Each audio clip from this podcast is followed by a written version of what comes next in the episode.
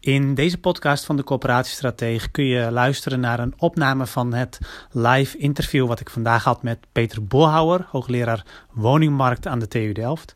We hadden het vandaag over het onbehagen op de woningmarkt en de gevolgen van de coronacrisis.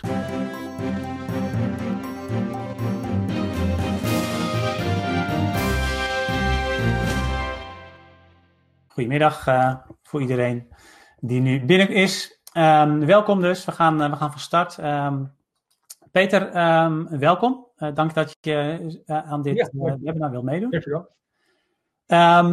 ja, Planbureau voor de Leefomgeving heeft afgelopen 12 maart, dacht ik uit mijn hoofd, een rapport uitgebracht over het functioneren van de woningmarkt en met name dan het onbehagen. En ja, wat, wat mij opviel in hun conclusies was eigenlijk dat ze eigenlijk zeggen van ja, Um, in zijn algemeenheid is het zo dat eigenlijk de meeste, het meeste onbehagen wat mensen voelen op de woningmarkt, dat is dan met name uh, dat, um, uh, dat, dat, dat, dat met name starters bijvoorbeeld, dat groepen niet hun ideale woonmensen kunnen vervullen. dat er ook mensen ja, in, moeilijk vinden om dat, die, die woonlasten te betalen. Ze zeggen van ja, eigenlijk die, de meeste problemen op de woningmarkt worden eigenlijk veroorzaakt door externe factoren.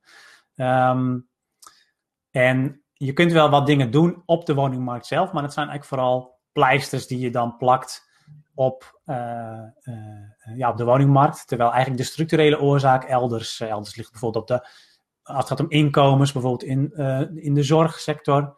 Um, dus ik ben wel benieuwd hoe jij daar tegenaan kijkt. En um, nou ja, wat, wat jij vindt wat de woningmarkt, hè, wat binnen de woningmarkt in ieder geval gedaan zou kunnen worden.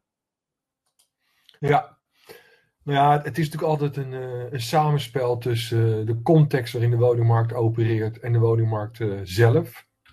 En als er natuurlijk in die context dingen veranderen, heeft dat ook effecten voor de woningmarkt. En terecht geeft het planbureau aan dat, de, dat door de flexibilisering van de arbeidsmarkt en de extramuralisering van de zorg, dat natuurlijk voor het wonen behoorlijk wat consequenties heeft gehad. Maar ik vind wel dat ze te gemakkelijk aangeven dat, dat, die problemen die nu, zoals ze terecht aangeven, een aantal specifieke groepen treft, hè, en die heb je net zelf al beschreven, dat dat, ja, dat dat niet zou komen, of eigenlijk uitsluitend door die externe factoren komt. Kijk, waar ze gelijk in hebben, denk ik, is dat het systeem niet heel wezenlijk is veranderd. Dat mhm. klopt, denk ik. Maar er zijn wel aan behoorlijk wat knoppen gedraaid de laatste, nou, pak een beetje tien jaar. Zowel in de huursector, hè, toch de, de keuze om corporaties vooral die lagere inkomensgroepen te laten bedienen. Mhm. Waardoor middeninkomensgroepen toch zijn aangewezen op de markt. Nou, dat is echt een behoorlijke beleidsverandering ten opzichte van het verleden. Dat is echt een politieke keuze geweest. Mhm. En daardoor hè, spreken we tegenwoordig van middeninkomensgroepen die tussen wal en schip vallen. Ja. Nou, in de koopsector is eigenlijk hetzelfde aan de hand. Daar zijn in de crisis toch wel de loan to value en de loan income behoorlijk aangescherpt. Waardoor ook weer starters en middeninkomensgroepen het moeilijk hebben. Ja. Voor die ouderen, ja, dat is echt wel via die extramuralisering is dat, is dat, is dat georganiseerd en is die vraag ook, ook sterker. Dus dat, daar hebben ze gelijk in.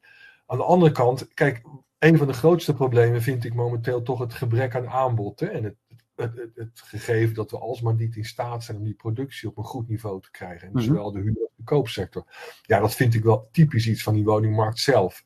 Het heeft natuurlijk wel met ruimtelijke ordening te maken en dergelijke, maar het is toch wel hoe we die markt georganiseerd hebben. Dus ik ben het niet helemaal met ze eens dat dat nou eigenlijk vooral door exogene, externe omstandigheden gebeurt. Ik denk wel degelijk dat een aantal knoppen waar we aan gedraaid hebben, de oorzaak zijn dat we nu deze problemen hebben. Ja, en dan, en dan hoor ik jou zeggen, met name uh, als het gaat om middeninkomens en als het gaat om het uh, maken van de productie, uh, dat ligt toch echt wel binnen de woningmarkt zelf. Ja, ja dus ook, maar ook wel betaalbaarheid aan lage inkomensgroepen. de, gelukkig hebben we nu een beperkte huurstijging, maar we hebben toch een aantal jaren hele forse huurstijgingen gehad. Mm Ja, dat was echt woningmarktbeleid. Dat, dat is niet iets van buiten. Dan kun je zeggen van ja, de inkomens spelen natuurlijk, dat is altijd kip-ei. Van ja, is het betaalbaar? Nou, mhm eigenlijk, eigenlijk niet, maar dan moeten de inkomens maar stijgen. Ja, ja, Je hebt gegeven de inkomensverdeling, en ja goed, die is, die is reëel gezien ongeveer gelijk gebleven de mhm. laatste 20, 30 jaar. Ja, kun je natuurlijk niet, uh, ja, kun je daar je woonbeleid op afstemmen. Ja, ja. Ik had ehm, onlangs een interview ook met uh, Domesta, Bert Moorman. En hij gaf heel mooi aan van... Zij hebben... Uh, zij voeren eigenlijk al sinds 2014 vanuit de corporatie een beleid om betaalbare huurwoningen te krijgen. Um, en ze hebben een aantal maatregelen ingezet. Nou, daarmee hebben ze het aantal mensen met een betaalrisico teruggedrongen eigenlijk. Of tenminste, dat heeft er mede voor gezorgd dat het aantal mensen met een betaalrisico is teruggedrongen van een derde tot ongeveer een kwart. Okay. Ehm, en, hij zegt van ja, nu, nu kunnen we eigenlijk niet zo heel veel meer doen binnen de instrumenten die als corporatie in zou kunnen zetten. Uh, en, en dan wordt het inderdaad een probleem van anderen, of misschien, dat, dat kan nog steeds binnen de woningmarkt zijn. Um, of inderdaad, hè, dan, dan, moet de overheid iets doen. Uh, of uh, um, of nog breder, inderdaad, als het gaat om inkomens en, en het hele sociale domein. Um, is, dat, is dat herkenbaar of, of zeg je van nou, misschien zouden we. Ja, dat denk ik wel. Kijk, we hebben natuurlijk in het, in het, in het verleden, hè, tot, tot voor pak een beetje drie, vier jaar geleden, misschien iets langer zelfs wel, toen we niet die, uh, die toewijzingsregels toepasten, hebben natuurlijk heel veel mensen, of heel we, de corporatiesector heeft veel lage inkomensgroepen, ook in huur en woningen toegewezen boven de aftoppingsgrenzen. En, en die zitten daar voor een deel natuurlijk nog in. Mm -hmm. Waren als je kijkt naar de statistieken, waren het behoorlijk hoge percentages. Nou, dat doen we gelukkig niet meer, ook ingegeven door het beleid, mag ook niet meer. Maar er zijn nog steeds natuurlijk best wel veel, uh, veel huishoudens die ten opzichte van een inkomen te hoge huur betalen, die boven die aftoppingsgrenzen zitten. En ja, je krijgt tegenwoordig ook steeds meer mogelijkheden, en dat zal in de toekomst nog wel wat toenemen, om als er mutaties in het inkomen plaatsvinden, ook je huren aan te passen. Dus met gericht individueel huurbeleid. En je ziet ook nu al dat corporaties dat doen. Hè. Officieel mag dat dan misschien niet, maar dat gebeurt natuurlijk wel dat als mensen door inkomensdaling echt in de problemen komen, dat je dan ook de huren aanpast. In ieder geval onder die aftoppingsgrenzen brengt. Ja. Nou, ook mensen die boven de liberalisatiegrenzen zitten en dergelijke in die problemen komen. Dus je kan best wel nog wat doen met, met meer maatwerk, denk ik. Ja. Ja. En we hebben in het verleden, ja, hebben, nogmaals, hebben we natuurlijk heel veel, ja, toch wel achteraf gezien, vind ik, uh, onverantwoorde toewijzingen gedaan. Ja, en als, als ik hem dan nog even uh, terughaal, dan, dan, dan hoor ik je dus zeggen: middeninkomens is iets van de woningmarkt, um, uh, productie is iets van de woningmarkt, betaalbaarheid. Zijn er dan nog andere dingen? Nou ja, ouderen natuurlijk ook wel. Hè, want uh, kijk, die ouderen wonen lang zelfstandig. En dat gebeurt ook. Hè. Veel corporaties hebben er ook actief beleid op ingezet om te proberen die doorstroming uh, van de grond te krijgen. Mhm. En dat kan met doorstroomakelaars of oudere makelaars of met aangepast huurbeleid ook, waarbij je horizontaal over kan. Dus je kunt in je bestaande voorraad kun je, kun je ja, een optimale verdeling organiseren, waarbij ook die ouderen dan hè, een rol spelen. Ja. Dus daar kan je best veel, uh, veel mee doen, denk ik. En uh, nou, daar zijn ook best wel successen mee geboekt de laatste twee jaar. Ja. Dus jij zegt eigenlijk van, uh, hè, het, zoals het, het planbureau het neerzet, is van, nou ja, je kunt eigenlijk wat pleisters plakken op dingen die elders gebeuren. Je zegt heel duidelijk van, nou, er kunnen toch ook wel wat andere dingen gedaan worden. Um, ik ben Ja. nog wel even benieuwd naar, die, naar ook, zeg maar, de, uh, de productie. Um, Ja. Hoe zie jij dat? Want eh, we hebben nu natuurlijk ook, inmiddels is de wereld ook alweer heel erg sterk veranderd sinds 12 maart. Hoe, hoe, hoe zie je dat in de komende periode ontwikkelen? Ja, dat is heel moeilijk. Kijk, om überhaupt om even voor 12 maart te, te pakken. En je ziet dat corporaties ja, toch behoorlijk zijn gezakt in hun productie. Hè. Die is meer dan gehalveerd. Ja. Ze hebben wel plannen. Er is ook geld in principe Mhm. wel beschikbaar om de komende paar jaar te gaan bouwen. Alleen ja, het lukt gewoon niet om voldoende eh, plannen gerealiseerd te krijgen. En dat geldt niet alleen voor corporaties, dat geldt voor heel veel gebieden. Je ziet ook dat eh, de ontwikkeling van koopwoningen achterblijft. Eigenlijk de enige waar groei in zit zijn middeldure huurwoningen. Maar ja, die komen bijna van nul. Dus de- heel laag. Logisch dat je wat groei hebt. Maar ook dat valt nog tegen. Want de groei van de particuliere, of de middenhuursector in de particuliere sector zit vooral door de eh, aankoop van bestaande koopwoningen. Ja. Dus ja, dan lopen corporaties tegen hetzelfde probleem aan als heel veel andere ontwikkelaars en gemeenten. En, en ja, dat het gewoon het, het, het aanbod komt niet goed van de grond. En nou ja, de laatste twee jaar zie je ook dat de bouwvergunningen weer in een dalende lijn zijn. Eh, ik heb januari net weer bekeken. Ja, dat is weer verder weggezakt. Dat heeft Mhm. niks met die crisis te maken.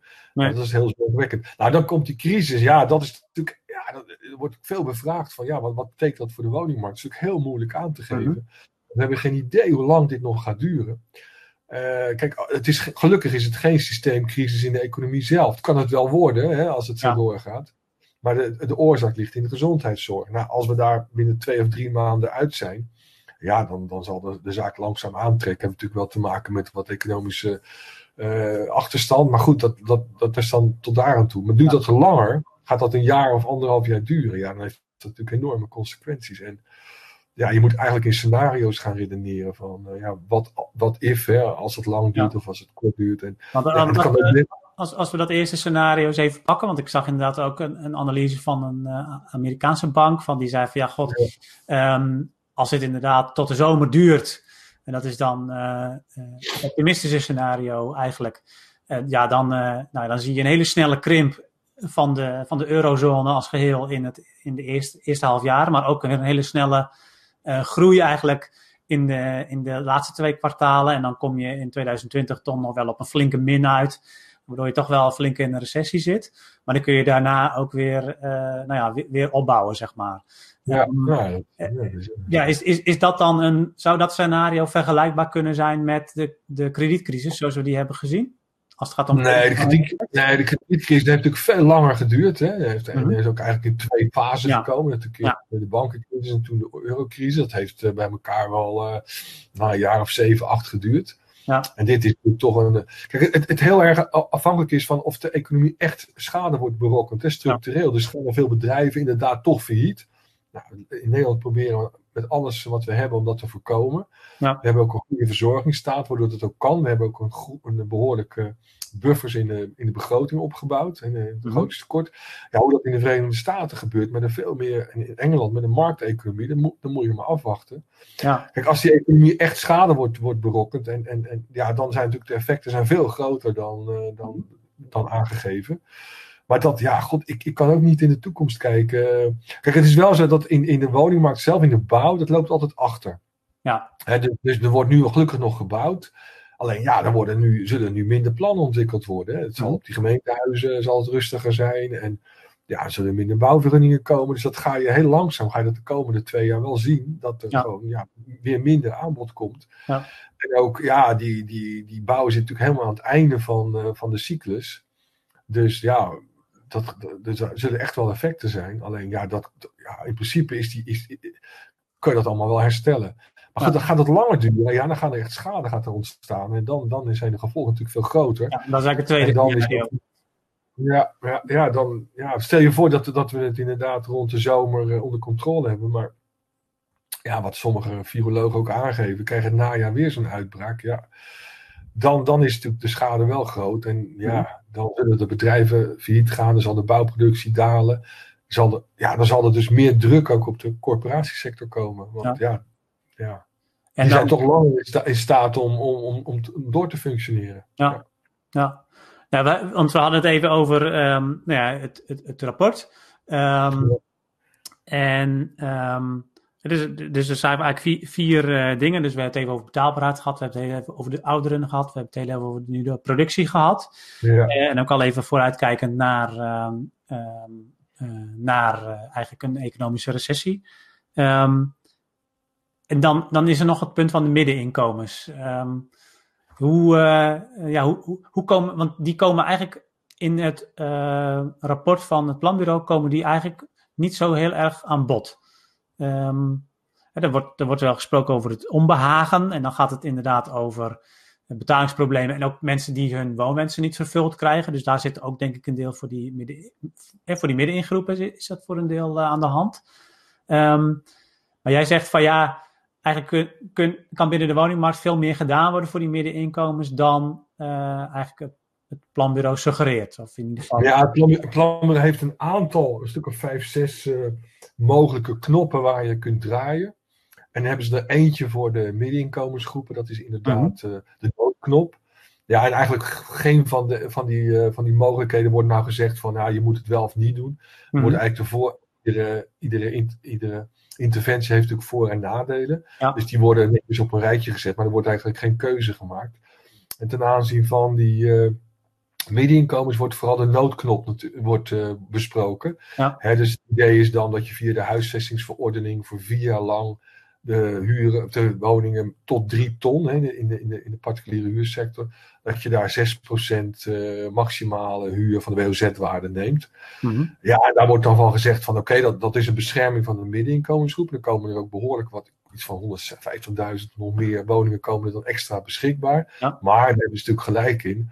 Daar wordt dan wel als, als conclusie aan verbonden dat dat dan waarschijnlijk investeerders uh, uitstappen. Nou, ja. wordt ook aangegeven. We weten niet in welke mate dat gebeurt. Zou je onderzoek naar moeten doen. Maar ja, goed. Ze maken dus niet een keuze. Kijk, ik, ik vind zelf dat ze ja, van, van dat ongenoegen wat je aangaf, dat ze daar de plank wel misslaan. Want ik denk dat dat ongenoegen, en ik bedoel, ik geef dat zelf ook vaak in inleiding aan. Ik kan me zo goed voorstellen, als jij tot die middeninkomensgroepen behoort. Mm -hmm. En je krijgt te horen van, nou oké, door de aangescherpte hypotheeknormen krijg je geen hypotheek meer. Hè, want ja, daar moet je bijna twee keer modaal voor hebben tegenwoordig. En zeker als alleen staan is het heel moeilijk. Met z'n tweeën kan het vaak nog wel. Uh, en helaas, een corporatiewoning zit er ook niet meer in. Dus je bent letterlijk, val je tussen wal en schip. En nou ja, ze zien natuurlijk ook mensen in de omgeving. Hè, die misschien iets lager inkomen hebben. Die hebben iets minder hun best gedaan op school. Hebben, hè, ja. Dat kan. Maar die, die, die, die hebben nog gewoon recht op een sociale huurwoning. En nou ja, als je mensen echt tussen wal en schip laat vallen. En dat, ja, dat gaat echt, als je over die middeninkomensgroepen praat, gaat het over tussen de, nou, weet je waar je die grens trekt, maar tussen de 1 en 2 miljoen huishoudens. Ja, ja dat, die om, dat die onbehagen voelen. En, en nou, ik, ik, dat zullen de mensen in het webinar ook wel, wel meemaken. Ik krijg zelf ook vaak mailtjes van, van mensen die gewoon ja, echt voelen dat ze met de rug tegen de muur staan. En ja, en dan, dan en dat speelt ook nog voor een deel dat ze mensen die dan een koopwoning hebben ook zeer angstig zijn over die duurzaamheidsmaatregelen. Die krijgen dan te mhm. horen van ja, je moet je huis voor 60, 70.000 euro wellicht gaan verduurzamen. Dat geld hebben ze helemaal niet. Nee. Dus die zijn daar ook door angstig en misschien helemaal niet terecht, hè, want er komen eh, misschien uh, wellicht uh, oplossingen voor. Maar dat, dat, dat brengt toch heel veel onzekerheid. En, en ik denk ook terecht dat mensen boos worden en onzeker worden. Ja. Als je die situatie terecht komt. En ook als je kijkt hoe het toeslagensysteem werkte. Als jij uh, als je minimuminkomen hebt en je gaat door naar modaal, ja, dat levert je in de maand iets van 150 euro extra netto op. En dan wordt er gezegd van ja, maar nou ben je zelf redzaam op de woningmarkt. Dus in feite ga je er netto zwaar op achteruit dan. Ja, dat, dat kun je toch niet volhouden? Nee, nee. Want, eh, want eigenlijk, hè, het planbureau noemt dat dan de noodknop. Hè, die, uh, ja, de noodknop is om meer middenhuurwoningen te organiseren. Ja. Om meer woningen in het middensegment te organiseren, ja. maar met het, met het gevolg dat waarschijnlijk heel veel investeerders daaruit uh, uit zouden stappen. Ja. Um, zie jij andere mogelijkheden om dat, om dat op te lossen? Ja. Nou, ik denk echt dat we, zeker niet overal, maar zeker in de Randstad, in een aantal grote, grote steden, dat we daar, uh, wat Rob van Gijssel ook in zijn rapport over de middenhuur voorstelt, maar wat dus niet gebeurt, is dat je de puntengrens optrekt naar 200. Dus dat je tot 200 uh, punten gaat reguleren. Nou, dat zal betekenen ongetwijfeld dat een aantal uh, investeerders zich gaan richten op dat hogere segment. Nou, dat, zij, dat is dan maar zo. Mm -hmm. En daar moet je denk ik corporaties uh, de, de, gelegenheid geven om daar fors op in te springen. Kijk, zij kunnen tegen andere rendementen kunnen ze beleggen. Ze hebben een veel langere horizon in feite zijn die groepen die daarop aangewezen, die zijn op, in de huidige markt zijn die niet gewoon, moet je erkennen, zijn gewoon niet zelfredzaam. Mm -hmm. En, en je, je kunt wel, uh, ja, bijvoorbeeld, er zijn wel ontwikkelaars zoals Sustain en, en Wonan, die kunnen wel tegen de richting de 1900, 100.000 euro een gezinswoningen bouwen, maar dat is vaak buiten de, de, de grote steden. Mm -hmm. Maar in die steden zelf, ja, dan, dan, dan blijf je zitten met, uh, met hele kleine appartementen voor die prijs. En ik denk dat als je ook je gezin en je keyworkers in de stad wil houden, dat je dat via een, een, een betaalbaar middensegment moet doen. En dat moet je gewoon reguleren in de huidige context. Want ja, en de markt is daar gewoon niet toe in staat. Daar moet je reëel in zijn. Ja. Dus ik zit erg op de lijn van, van Vergrijssel. Trek dat op. En dat betekent inderdaad minder investeringen voor particulieren. Ja, daar hebben we nou net die corporatiesector voor, denk ik. Ja, ja. Even kijken hoor. Um, ik heb uh, een paar vragen in de chat uh, die ik ja. even aan je wil voorleggen. Um, even kijken hoor. Um, Marianne die zegt, zeker in dorpen realiseren beleggers geen dure huurwoningen. En zeker niet tot, uh, 10, tot, tot 1000 euro. Senioren met laag inkomen, maar wel vermogen kunnen dergelijke woningen wel betalen. Vermogen zit dan vaak wel in de stenen. Dus als de woningmarkt niet tot stilstand komt, dan kunnen ze het niet vrijmaken. Ja.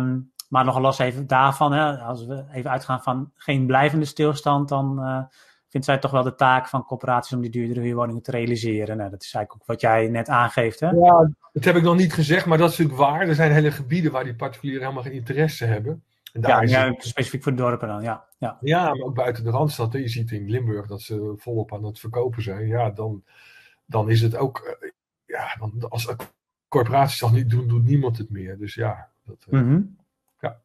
Ja, ja. Dus mee eens, ja. ja.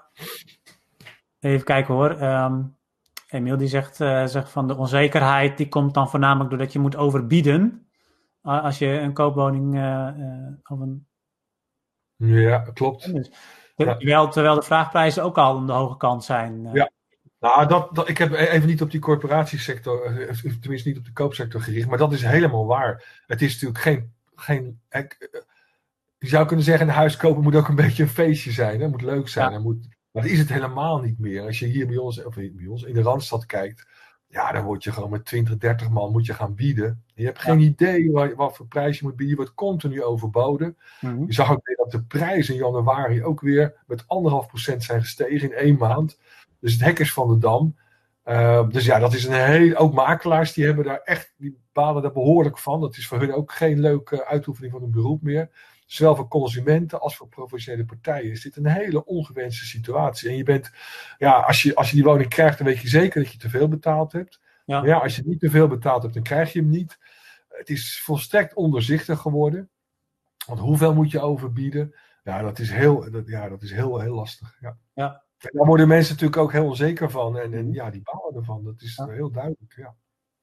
Emiel die vraagt zich ook nog af of de overdrachtsbelasting omhoog zou moeten om uh, ook uh, ja, minder de mogelijkheid te geven om te beleggen. Ja, dus dat je die beleggers een hogere belasting uh, geeft. Ja. Nou, ja, op zich ben ik nog niet eens zozeer tegen beleggers. Als dat maar op een, hè, zeker bij vastgoedbelang, daar zitten echt wel ja, bona fide beleggers die ook niet de hoofdprijs vragen. Dus om mm -hmm. al die beleggers in de markt uit te jagen, ja, om, om dan koopwoningen te organiseren, want daar gaat het dan om. Ja, dat kan, dat is een politieke keuze. Maar ik denk dat we die, die particuliere huurwoningen ook hard nodig hebben. Maar nogmaals, het moet wel betaald en gereguleerd worden. Het moet, eh, dus, dus je moet er wel grenzen aan stellen. Uh, dus ja. Dick die zegt, heeft eigenlijk dezelfde vraag. Hè? Die zegt ook van, ja, vroeger was er een woning om in te wonen. Tegenwoordig vooral een beleggingsproduct. Ben je het daarmee eens? Ja. Ja, nou ja, dat was natuurlijk vroeger ook wel. Voor de oorlog hadden we 70% van de voorraad waren particuliere huurwoningen. Dat was heel gebruikelijk. Mm -hmm. en, en, het heeft ook een functie. Ik bedoel, het middensegment huurwoningen. Ik, zie, ik zou het liever bij de, zeker tot 1000 euro nogmaals bij de corporaties leggen. Maar ja. het is heel belangrijk dat je dat hebt als tijdelijke voorziening ook voor mensen die wat ouder worden. Het, is, het, het, het, het, functie, het heeft een hele belangrijke functie op de woningmarkt. En mm -hmm. die, klein, kijk, maar even terugkomen op die belasting. Kijk, wat je volgens mij zou moeten doen is je moet inderdaad de positie van een aantal partijen moet je, en die hebben in het verleden ook behoorlijk beïnvloed, moet je veranderen. Dus ja, ik kan me voorstellen dat je zegt van uh, overdrachtsbelasting bijvoorbeeld voor starters, die gaat er helemaal af. Mm -hmm. Maar voor doorstromers handhaven En misschien voor beleggers inderdaad in dat segment iets hoger. Dat, dat zou ik best kunnen voorstellen. Ja. Uh, en misschien moet je ook de hypotheekrenteaftrek nu versneld afbouwen. Ik bedoel, ja, dat, ja, het heeft ook bijna geen functie meer. Als je nu een rente betaalt van een, van een procent en, uh, voor, voor, voor 20 jaar vast, dat is, ja, dat, dat is, daar heb je nauwelijks meer. meer dat is, je hebt bijna een lineaire hypotheek nu, hè, als je, als je niet. Ja, je hebt ook geen voordeel meer ervan, wil je zeggen, als je nee, uh, rente betaalt. Nee, dus, ja. dus het is heel makkelijk af te bouwen en dan, dan tref je vooral de doorstromers. Nou, die hebben toch al hele lage woonlasten in de koopsector. En die opbrengsten kun je gebruiken om ja, de productie op te jagen, maar vooral ook om die positie van die starters te versterken. Want dat is het gevaar wat er nu dreigt. Hè. Er worden allerlei voorstellen gedaan om starters weer te ondersteunen. Ja, zonder aanvullende maatregelen betekent dat gewoon binnen een half jaar tot een jaar weer hogere prijzen. Mm -hmm. Dus je moet echt die positie van die verschillende groepen doen. Je moet die starters versterken, maar dat gaat, moet ten koste gaan van een aantal andere groepen. Nou, lees uh, doorstromers en beleggers dan wellicht. En, en je moet zorgen dat er voldoende aanbod komt. En ja, die twee zou je volgens mij moeten inzetten. Ja. Ik heb nog, uh, uh, ik heb nog één, uh, één vraag hierover. En dan, dan wou ik eigenlijk even een aantal conclusies trekken over van welke maatregelen er eigenlijk in de komende periode genomen zouden moeten worden op de woningmarkt volgens jou. Um, ik ga even kijken hoe ver we daarmee, daarmee kopen. ondanks die onzekere situatie natuurlijk ook. Um, Walter die zegt nog, reguleren kan ook door eisen te stellen aan de kwaliteit, grootte, huurprijs, minimale duur van exploitatie. Uh, zoals bijvoorbeeld in Utrecht. Hoe denkt Peter Boelhouwer daarover? Uh, ja, dat, dat vind ik heel goed. Ook in Amsterdam, hè, daar worden nu goede afspraken gemaakt om, die, om dat middenhuur inderdaad, dat segment ook beschikbaar te houden. Uh -huh. En om de prijs-kwaliteitsverhouding uh, goed te houden. Dus ja, dat vind ik heel prima. En als je daar dus overeenstemming kunt, kunt krijgen met, met beleggers, zeker de grote institutionele beleggers, die, ja, die, die zijn daar best wel toe bereid als het binnen bepaalde marges natuurlijk. Ze moeten wel een bepaalde rendementen halen. Dus dat is prima. Dan, als je, ja, dus dat is goed. En denk je dat daar, um, want je zegt van, nou ja, de, in ieder geval de grote partijen die zijn er ook wel toe genegen om daarin mee te gaan.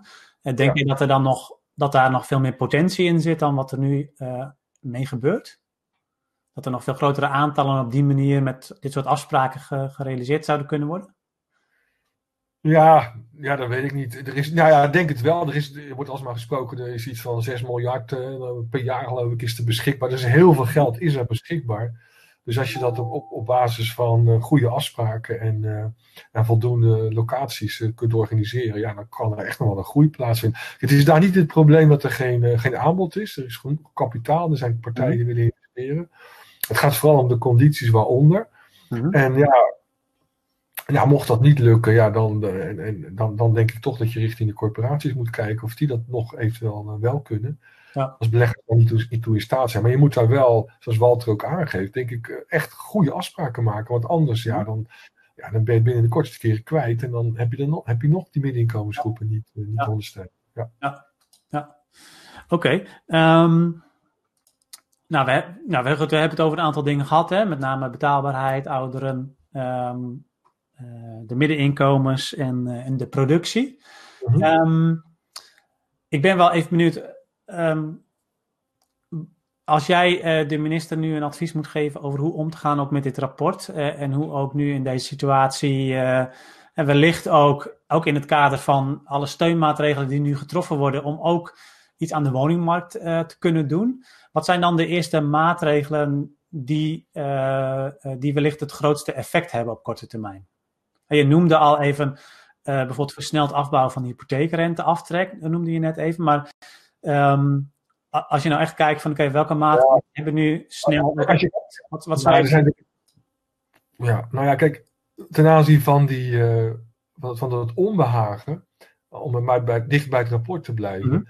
moet je op zijn minst zorgen, vind ik, dat de grenzen die je vanuit het beleid stelt op elkaar aansluiten. Dus als jij zegt, uh, ik wil een doelgroep bij 38.000 euro afbakenen. Mm -hmm. Nou, be my guest, maar dan moeten die groepen die daarboven zijn wel mogelijkheden hebben in de markt. Ja.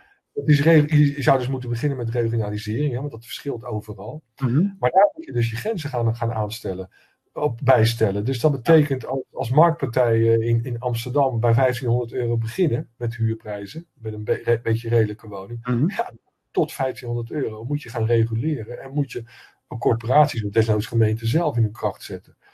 Dus je moet heel goed kijken wat, wat biedt de markt en, uh, en, en wat. En, maar dus dat je in ieder geval die grenzen op elkaar aanzet. En dat ja. dreigt nu de verkeerde kant op te gaan, want met name voor die alleenstaanden, die gaan terug naar 35.000. Ja, ik bedoel, daar kun je natuurlijk helemaal, ben je, ben je kansloos op de, ja. als je erboven zit.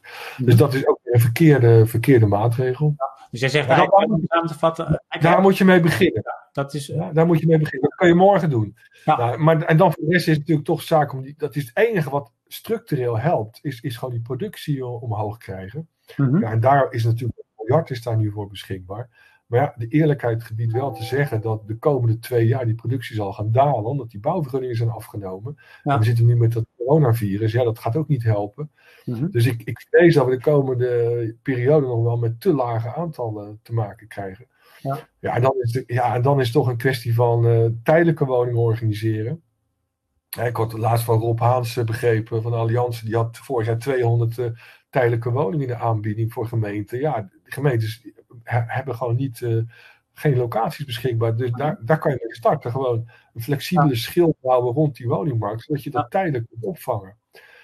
Dat, dat zijn allemaal dingen die kun je bij wijze van spreken morgen kun je die, uh, kun je die inzetten. Nou, wat, ik weet niet, er is ook zo'n programma van waar de EDES in zit, hè, in zit om, om die, die prefab en die industriële bouw te organiseren. Je bedoelt stroomversnelling? Of? Ja, de, wat zeg je? De stroomversnelling bedoel je? Ja, ja is dat niet? Ja, ja. Nou, dat is toch met duurzaamheid? Of? Ja, ja dat nou goed, ben het, maar hij lijkt erop, ja, iets met versnelling.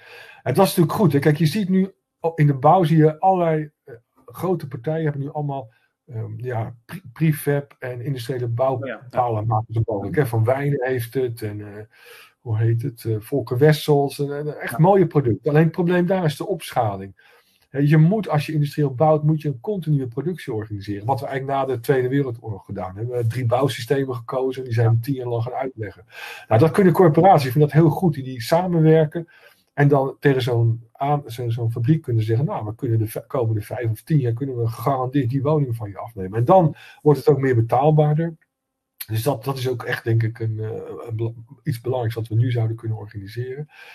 Ja, en dan, uh, ja, dus dat, dat, zijn... De bouwstroom, uh, wat jij bedoelt. Bouwstroom, dat was hem, ja, ik was hem even kwijt. Maar dat, vind ik een heel mooi initiatief. Want kijk, er wordt vaak gezegd van, ja, die bouwen innoveert niet en dergelijke. Ja, die concepten zijn er allemaal. We kunnen er morgen mee beginnen. Maar die grote aanbieders zeggen ook van ja, we moeten zekerheid hebben. Dus als je dat mhm. ook weer gezamenlijk kunt organiseren, nou, dan kom je echt een stapje verder. En dan kun je ook betaalbaar, dan kun je bouwen. Ja. Dus dat zijn, ja, dus productie kan je, eh, daar, daar kan je mee aan de slag. Uh, nou ja, goed, eh, ik denk ook dat die corporaties, ja, laten we nou gewoon dat, die hele markttoets gewoon morgen afschaffen. Wat, wat is dat voor gekkigheid? Dat, als je ziet dat, dat we zoveel administratie willen organiseren in deze tijden. Mm corporaties dat willen bouwen en, en, en, die kunnen dat ook tegen een, uh, ook met dezelfde afspraken gewoon een langere tijd uh, exporteren tegen betaalbare prijzen. Nou, ja. dat nou gewoon morgen doen. Ik bedoel, daar hoef je echt niet. Uh, het is natuurlijk heel ideologisch allemaal, hè? Ik, ik begrijp het wel, maar ja, waar in de nood waarin we nu zitten, moet je dat soort arrangementen gewoon morgen afschaffen. Hè? Nou ja, en voor de rest tijdelijke bouw is denk ik een oplossing. En ja, dat, daar kunnen de corporaties ook veel betekenen. Is toch in die bestaande voorraad de zaak efficiënt te organiseren. Ja, dus ja, eh, als ik hem dan even terug ook weer naar de, naar de corporaties uh, breng, dan zeg je eigenlijk van, eigenlijk zouden die corporaties een belangrijke rol hebben als het gaat om um, eigenlijk het dichten van het gat tussen de sociale huur en, uh, en de koop. En dan moet dan ook de regelgeving natuurlijk op afgestemd worden, zodat je eigenlijk regionale inkomensgrenzen krijgt. En eigenlijk op het moment dat je zegt van nou, tot die grens mogen mensen in de huur nou, dan moet het ook mogelijk zijn voor mensen als ze daarboven zitten, dat ze dan ook daadwerkelijk in de praktijk, in de koopsector, in de, in de vrije huursector, dat ze daar ook echt terecht kunnen. Klopt, ja. um, en tot die, tot die grens zouden eigenlijk de corporaties dat moeten kunnen doen. Ja. Um, en de corporaties zouden ook als, als grote opdrachtgever ook uh, in, nou, met, met prefab en met tijdelijke woningen relatief snel grote bouwstromen kunnen realiseren. Ja, maar ook in de bestaande bouw, de, de, de, de, gewoon de, de, de bouwstroom ook voor, voor uh, permanente woningen, kun je natuurlijk ook uh, ervoor zorgen dat die, dat modulair bouwen, industrieel bouwen, eindelijk eens van de grond komt. Want dat kan echt ja. veel efficiënter. Mm -hmm. Ja, helder. Um, even kijken hoor. En dat zou. Uh, en, en, en eigenlijk als, als laatste ook nog. eigenlijk in zijn algemeenheid zeg je van geef coöperaties nou veel meer ruimte en schaf een aantal van de bureaucratische toets, en de markttoets noem je net, maar dat, dat kan denk ik ook breder zijn waar coöperatie nu tegenaan loopt, schaf dat af. Ja, ja. ik denk dat we met de woningwet gewoon, er komt natuurlijk de evaluatie nu binnenkort, dus, dus ik hoop dat daar inderdaad weer een aantal versoepelingen komen, maar ook in het kader van leefbaarheid zijn we natuurlijk veel te streng geworden. Ja. Ik kan me wel voorstellen, kijk, die pendule is natuurlijk doorgeslagen. We hebben eh, die, corporaties hebben die vrijheid, of nou, ik moet zeggen, de corporaties, een aantal van die corporaties hebben dat niet goed gedaan. Ja, dat dan mhm. de maatschappij en de politiek ingrijpt, dat kan niet anders. Maar daar zijn we denk ik gewoon, ook gezien de huidige problemen op de markt, gewoon doorgeslagen. Dus ja, daar moeten we weer een, een nieuw evenwicht zien te vinden, denk ik. Ja. ja. Daar heb ik in de, ehm, eh, in de, in de, eigenlijk de vorige uh, kredietcrisis uh, ook veel gezien dat, dat er veel verschillen tussen corporaties zijn geweest. Sommige corporaties hebben doorgebouwd. Die konden dat, ook, konden dat ook doen. Andere corporaties hebben toch wel hun bouwprogramma stopgezet of, of moeten stopzetten. Ja, kunnen we daar nog iets uit leren om voor de komende jaren ervoor te zorgen dat er in ieder geval genoeg gebouwd wordt en dat er misschien ook hè, dat de corporaties ook mede een rol hebben in het ook anticyclisch investeren in, in Nederland? Ja, nou ik denk dat als we één les geleerd hebben, is dat, dat, we dat, dat het anticyclisch bouwen gewoon heel belangrijk is. En je ziet ook op het ministerie nu dat alle rapporten die we 10, 20 jaar geleden hebben geschreven over anticyclisch bouwen, worden nu weer afgestoft. Uh, want dat is natuurlijk de grootste fout die we hebben gemaakt rond 2013. Door gewoon die bouwproductie te laten wegvallen. Mm ja, waardoor heel veel schade in, in de bouwkolom uh, is uh, veroorzaakt. Bij bedrijven met name. Dus dat het heel moeilijk is om het op te starten. Nou, het instrument om anticyclisch uh, actief te zijn is natuurlijk ook de corporatiesector. Die hebben toch redelijke vermogens. Die kunnen ook tijdelijk met wat minder rendement of zelfs met verliezen bouwen. Ja. Je weet dat het op termijn gewoon goed komt. Dus een deel van die woningen kan je zelfs na verloop van tijd gewoon weer in de markt zetten en verkopen als je dat zou mhm. willen. Ja. Maar dat, dat, en dat hebben we natuurlijk ook uh, in het verleden wel gedaan. Hè? Dus uh, ja, rond de grote crisis in de jaren, eind jaren 70 hebben we die uh, omzetregelingen gehad. Hè, van OKH-regelingen en dergelijke. Van, van huur naar van koop naar huur dan. Mm ja, het heeft wel heel veel geld gekost. Maar het heeft toen wel die bouw, die bouw sector nog redelijk op de been gehouden. Ja. En als er één les is die we geleerd hebben in de crisis, dat we moeten, dat we, ja, dat we die conjunctuur, conjuncturele schommeling uit die bouwproductie moeten halen. En, en dat is natuurlijk, heb je het instrument van corporaties, ja, dat is gewoon een ontzettend mooi instrument wat je hebt, wat andere landen veel minder hebben. Die moeten dan met gelijk met heel veel geld en, en overheidsinvesteringen aan de slag. Maar wij hebben dat, dus ja. Dus dat is heel duidelijk. En ja, wat, wat nog wel een punt is, waar, wat je noemde, dat, dat mhm. maakt, zal, zal ik niet populair mee worden, maar het is toch wel de onderlinge solidariteit en verevening. Hè? Je ziet een van de redenen waarom sommige corporaties wel konden doorbouwen, is dat ze gewoon meer, over meer financiële middelen beschikken. Hè, dus, dus dat je bijvoorbeeld de verhuurderheffing veel verder nog verlaagt voor corporaties die wel bouwen en als op zo'n manier toch aan een stukje, mm -hmm. verevening dat lijkt me heel goed. Als je, kijkt naar het zuiden van de Randstad, hè, waar, waar Vestia. Ja, ik vind dat echt, echt een, een, een, schandaal wat we ons moeten aantrekken. Hè, dat we huurders van Vestia zo in de kou zetten. Ik bedoel, ja. 100% bijna maximaal redelijke huur, onderhoud wat niet goed wordt uitgevoerd. Ja, het is natuurlijk een drama. En dat laten we toch gebeuren. Terwijl de andere corporaties ja, goed in de slappe was zitten. Nou, dat vind ik echt heel, heel ernstig. Ja, ja. Zie jij daar dan ook nog een rol voor investeringen vanuit de overheid? Want dat is denk ik een, ook een, verschil met de, de kredietcrisis. Dat toen um, heeft de overheid ook veel geïnvesteerd, maar met name om banken te redden en banken overeind te houden. Uh, en om uh, vervolgens in de eurocrisis ook, uh, ook landen overeind te houden. Je ziet nu dat er heel veel steunmaatregelen zijn voor bedrijven en, en ook in, het domein van sociale zekerheid. Um, zie je dan nog een rol ook van de overheid om nog meer dan nu al in de pijplijn zit, om ook in de woningmarkt te investeren en nou ja, bijvoorbeeld uh, niet alleen door verevening tussen corporaties, maar ook nog extra daarbovenop nog mogelijkheden te bieden om uh, dat anticyclisch bouwen te gaan doen? Nou ja, kijk, ik, ik, laten we daarvan uitgaan dat, die, dat we die coronacrisis uh, op niet al te lange termijn, te, termijn overkomen, dat we dat oplossen. Mm -hmm. En dan hebben we in de oude situatie. Ja, er is, ik denk dat er, maar dat heb ik er niet zozeer over corporaties, maar dat er gewoon veel geld nodig is om gebiedsontwikkelingen mogelijk te maken. Dat is een heel andere webinar. Maar wat we zien is dat het beleid is vooral om binnenstedelijk te bouwen. Nou, dat zijn dure locaties waar ook nog eens de aanvangsinvesteringen aan het begin heel hoog liggen. Die beroemde badkuip.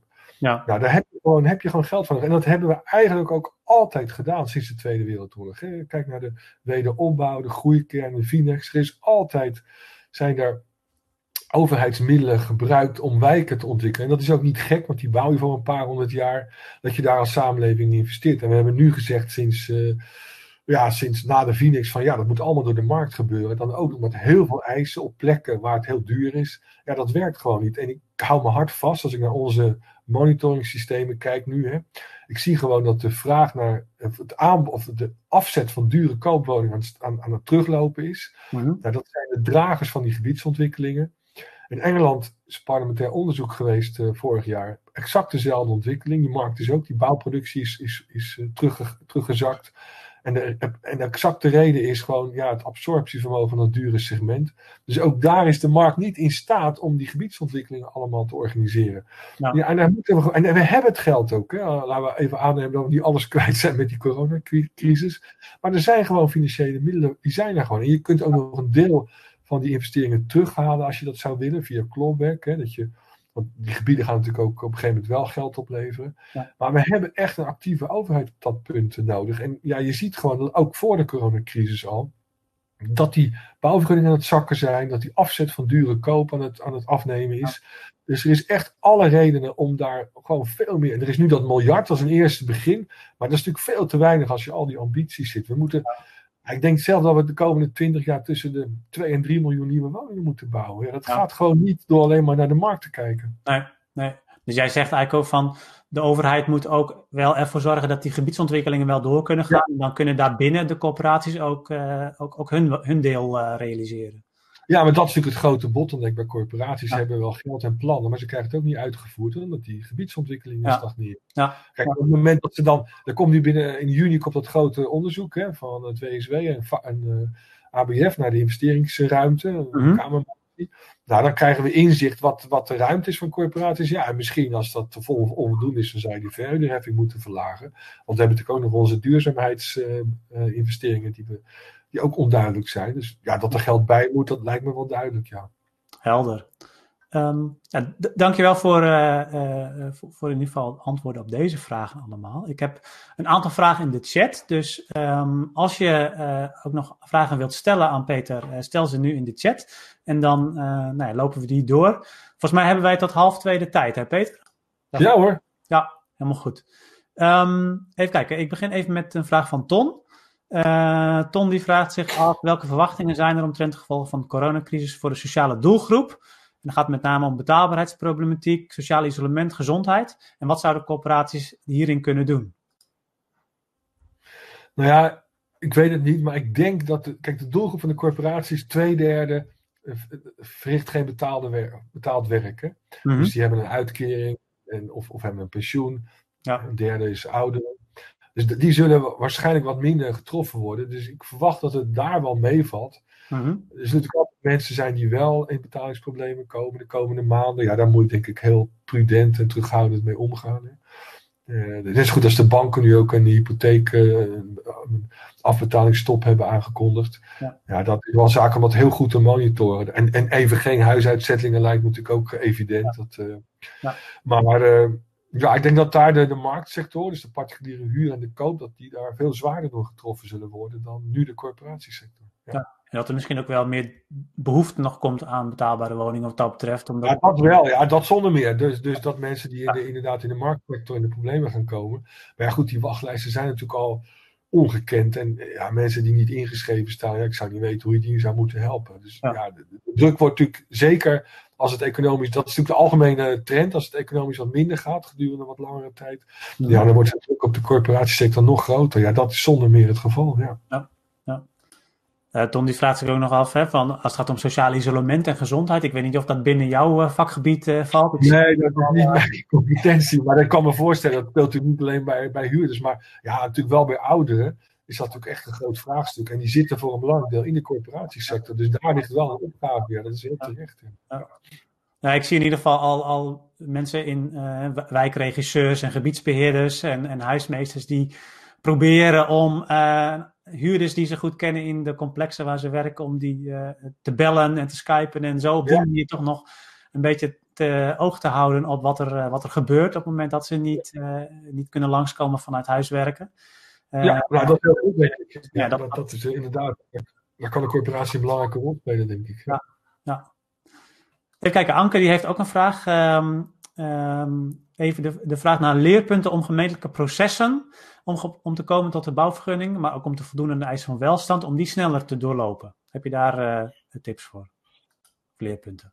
Ja, dat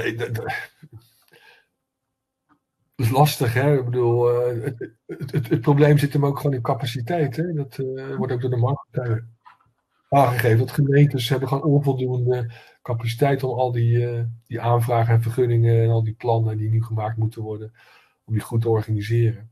En daar, daar ontstaat dus ook vertraging. Nou, we krijgen binnenkort eh, de omgevingswet, dus laten we hopen dat dat wat, eh, ja, wat, wat soepeler gaat, eh, gaat gebeuren. Maar ja, dat, daar hoor je ook weer deskundigen over zeggen van die de ene verwacht dat het soepeler zal gaan, de andere verwacht juist dat het meer stroperig nog wordt. Ja. Ja, ik weet het niet. Eh, Ja. Even Heb, heb je een tip voor coöperaties daarin? kunnen coöperaties daarin zelf iets doen? Of is dat toch, ben je afhankelijk van de gemeente? Nou ja, je kan natuurlijk wel proberen als, als, samen met de gemeente te gaan optrekken. En wat je marktpartij bijvoorbeeld nu ziet doen soms, is dat ze zelf ook bepaalde diensten berichten die eigenlijk de, de, de gemeente zou moeten doen. Hè. Dus het voorbereiden van eh, bestemmingsplannen en het, ja, dat soort zaken kan je natuurlijk aan denken. Dat je probeert toch wat, wat, wat voorbereidende werkzaamheden te doen voor zo'n gemeente, als dat, als dat eventueel kan hoor. Dat, maar het blijft natuurlijk belangrijk dat je heel goed nou, ik wil bijna zeggen, maandelijks contacten met, met die gemeente om, om, samen te proberen bottlenecks op te lossen. En als dat met externe, uh, ja, externe partijen zou moeten, dan, ja, dan kan je misschien ook een stukje van die kosten nemen. Of, ja. Mhm. het, als ik bij een marktpartij, uh, ja, die geven gewoon aan dat het belangrijkste knelpunt nu is, is eigenlijk de gemeentelijke ondersteuning. Dat, dat ja. komt van de markt dan. ja. ja. Ja, dus in ieder geval uh, ook uh, nou ja, zaken zo netjes mogelijk aanleveren, zodat het ja. onmogelijk uh, door die molen kan. Ja, ja. ja. Helder. Um, even kijken hoor. Um, Marieke die vraagt zich nog af, is de rol van woningcoöperaties verder te versterken? Zou dat op een of andere manier kunnen? Want jij, nou ja, je legt een aantal dingen ook bij de coöperaties neer, hè? Um, ja, dat, kijk, het moet, kan natuurlijk deels via wetgeving en via beleid, hè, dat, maar dat mhm. is op nationaal niveau. Maar goed, je kunt op lokaal niveau kun je natuurlijk ook uh, hè, door uh, ja, gewoon zorgen dat je goed in netwerk zit. Mm Ook op het sociale domein gaan corporaties een steeds belangrijkere rol spelen. Dat je dat goed coördineert. Dat je een soort, ja, het is eigenlijk een netwerk, een heel belangrijke net, netwerkspeler geworden. Ja. En als je daar uh, ja, gewoon je, je je, je, je posities goed organiseert. Hè? Geen ruzie maken met uh, bijvoorbeeld. Hè? Uh, en, en partijen aan elkaar bindt. Ja, dan kan je verder komen. Dat klinkt wel een beetje. Ja, misschien niet. Maar daar, daar kan je wel. Dat is wel vaak de reden waarom er succes wordt geboekt. En toch ook met, met de politiek. Je huurdersvereniging is natuurlijk ook een heel belangrijk instrument. Dat die strategisch goed in te zetten. Als je die achter je hebt je zit natuurlijk ook met de gemeente aan tafel. Die zijn ook in de slag met de politiek.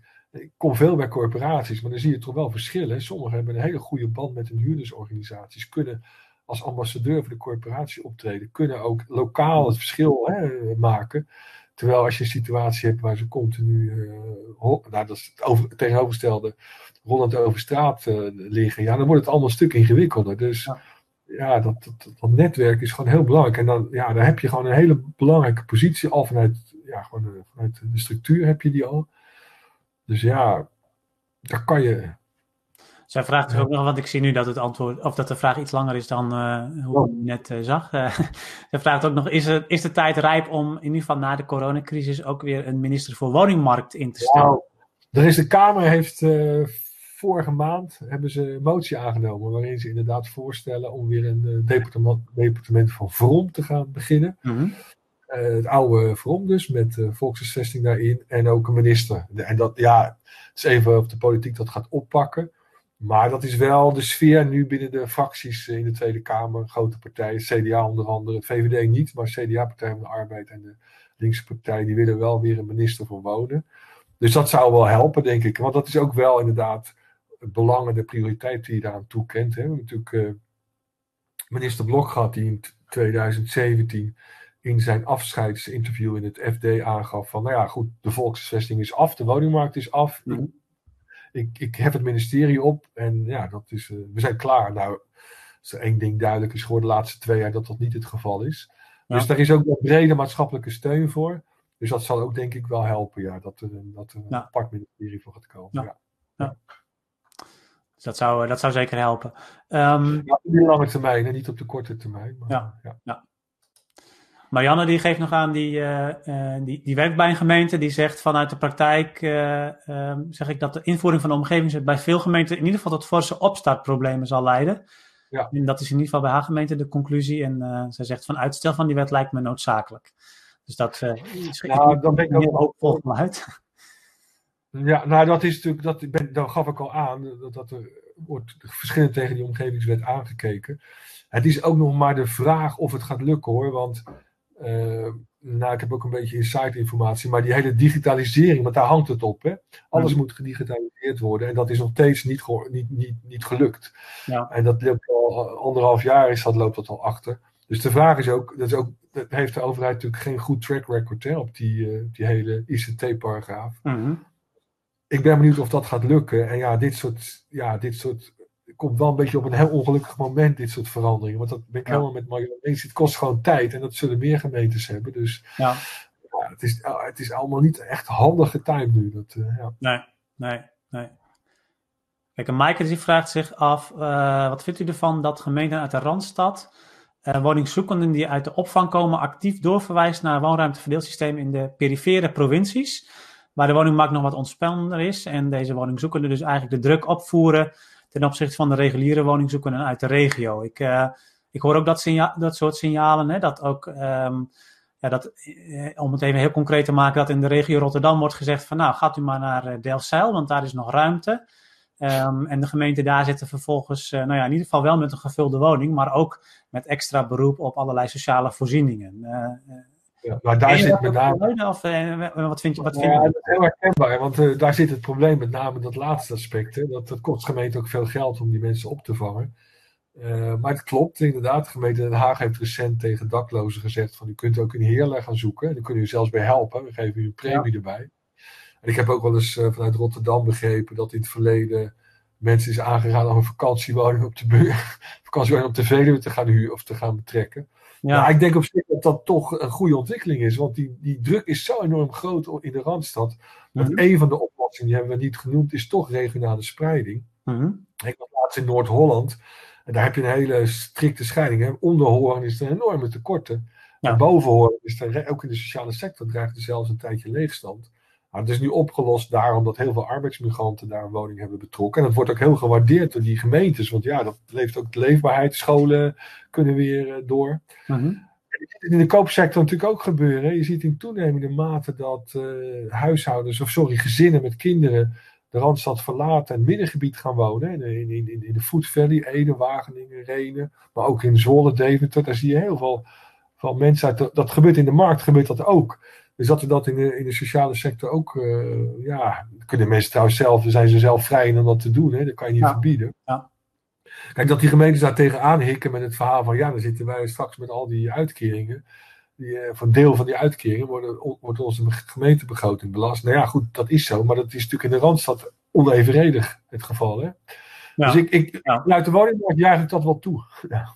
Ja, vanuit, vanuit de woningmarkt juich je toe, maar nou, je ziet ook inderdaad wel dat de gemeente daar om andere redenen dan weer... Uh, ja, ik kan me voorstellen, maar vanuit de woningmarkt vind ik het wel een positieve ontwikkeling. Ja, ja. helder.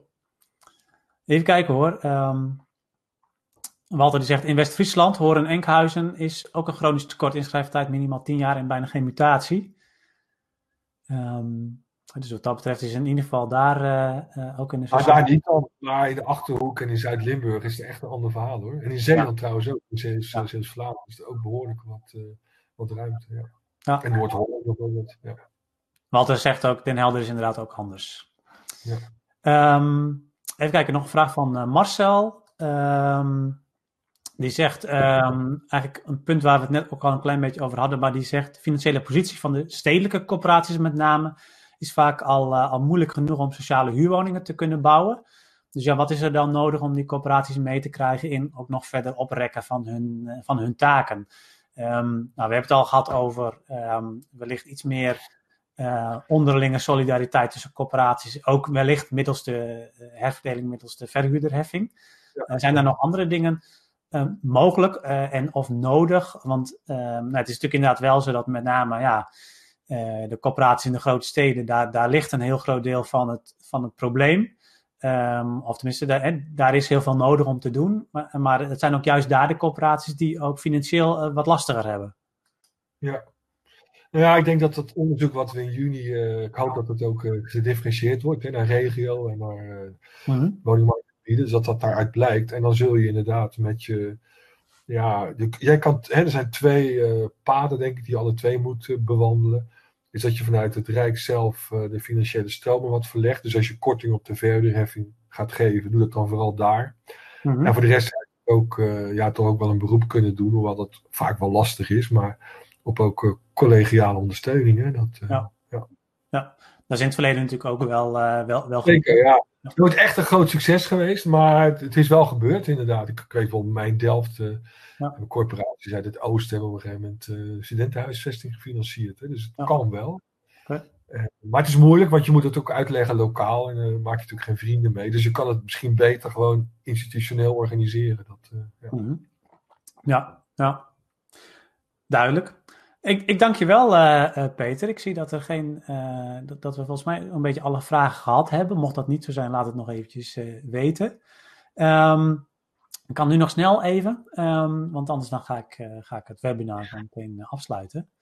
Ik, heel fijn dat je op zo'n korte termijn ook digitaal beschikbaar was. En om ook ons even mee te nemen in jouw gedachten over het rapport van het planbureau, maar ook over ja, de crisis waar we nu in zitten en wat corporaties als rol daarin kunnen hebben. Dank. Um, en um, nou ja, ik spreek graag op een later moment weer. En dat geldt eigenlijk ook voor de mensen die, die mee hebben gedaan aan het webinar. Um, dank jullie wel voor, voor jullie aanwezigheid en dank jullie wel ook voor de vragen die gesteld zijn. Um, op onze website coöperatiestrategie.nl zie je ook nog een aantal activiteiten die we online in de komende periode zullen, zullen uitvoeren en die we gaan organiseren. En um, daar zullen ook nog ongetwijfeld dingen bij komen. Um, in ieder geval voor zolang we allemaal binnen moeten blijven. Um, ik, ik sluit hem hiermee af. Ik, ik dank jullie wel. ik wens jullie goed, goede maandag verder. blijf gezond en graag tot een volgende keer.